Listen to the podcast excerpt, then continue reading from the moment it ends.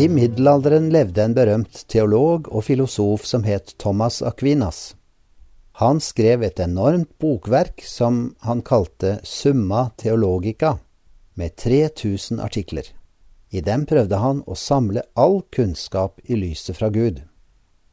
Men den 6. desember i 1273 ble det en brå slutt. Da han feiret messe som prest den dagen, fikk han et glimt inn i evigheten. Plutselig gikk det opp for ham at alt arbeidet med å forstå Gud var utilstrekkelig. Han ville aldri mer skrive. Noen prøvde å få ham til å fortsette, men han sa, Så store ting er blitt åpenbart for meg, at alt jeg har skrevet, synes som høy og strå.